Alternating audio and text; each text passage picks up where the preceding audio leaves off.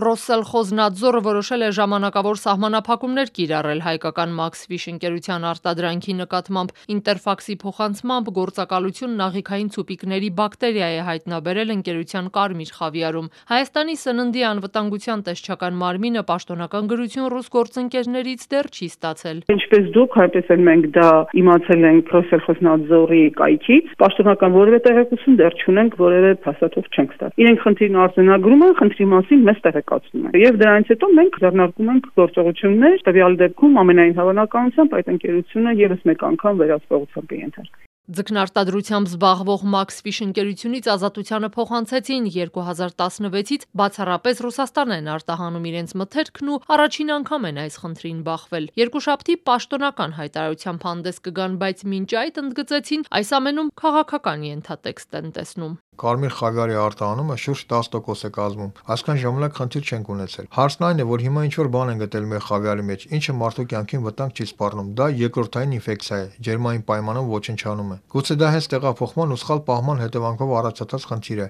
Մեզ թվում է սա քաղաքական հարց է։ Պետություններն իրար չեն հասկանում, տուժում է բիզնեսը։ Մեր արտադրամասն ու դկնաբուծարանը հագեցած են բարձր տեխնոլոգիական նորամուծություններով։ Նմուշներն ամեն օր են լաբորատոր ստուգումների ենթարկում, խնդիրներ չի եղել։ Հարցն ուրիշ դաշտում է։ Ռուսաստանն իր Ռոսսելխոզնադզորն օգտագործում է որպես ստրատեգիական կառույց ցանկացած պետության հետ, որը շահեր չմկնելու դեպքում օգտագործում է այս կառույցը իր հարցերը լուծելու համար։ Փոխանցեց Maxfish ընկերության ներկայացուցիչը, որը չցանկացավ ներկայանալ։ Սննդամթերքի անվտանգության տեսչական մարմինը նախորդ տարի ստուգել է Հայաստանի բոլոր ձկնաբուծարանները։ Այդ ցանկում նաև Maxfish-ն է եղել, բայց ԱԱՏՄ-ն այստեղ խնդիրներ չի արձանագրել, մյուսներում հայտնաբերել է։ Բոլոր տեսակի խախտումներ էլ եղել են, ոչ շատ, եւ մանրեաբանական խախտումներ էին հայտնաբերվել եւ հիվանդություններ ձկների մոտ այդ ամբողջ խմբականակները ոչնչացվել են։ Ռուսական պետական գործակալությունը նախորդ տարվա դեկտեմբերի 28-ից մինչև փետրվարի 18-ն էլ հայկական ջերմուկ գրուպի առանձին խմբականակների վաճառքներ արգելել Ռուսաստանում։ Հայտարարել էին, թե Վլադիկավկազի մի բնակիչ մահացել է հիվանդանոցում,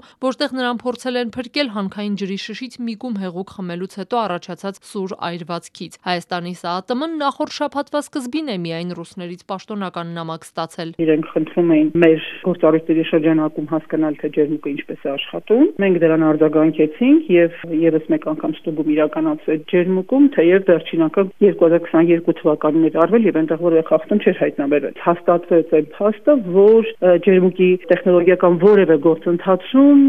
քացախ ուքսուս, այսպես ասած, չի օգտագործվում։ Ջերմուկ գրուպը նույնպես պաշտոնապես հերքել էր ռուսական կողմի պնդումները հայտարարելով, որ փակ արտադրական շղթայում քացախ ընդհանրապես չի օգտագործվում։ Սրանից առաջ խնդիրներ էին առաջացել նաև հայկական կոնյակի,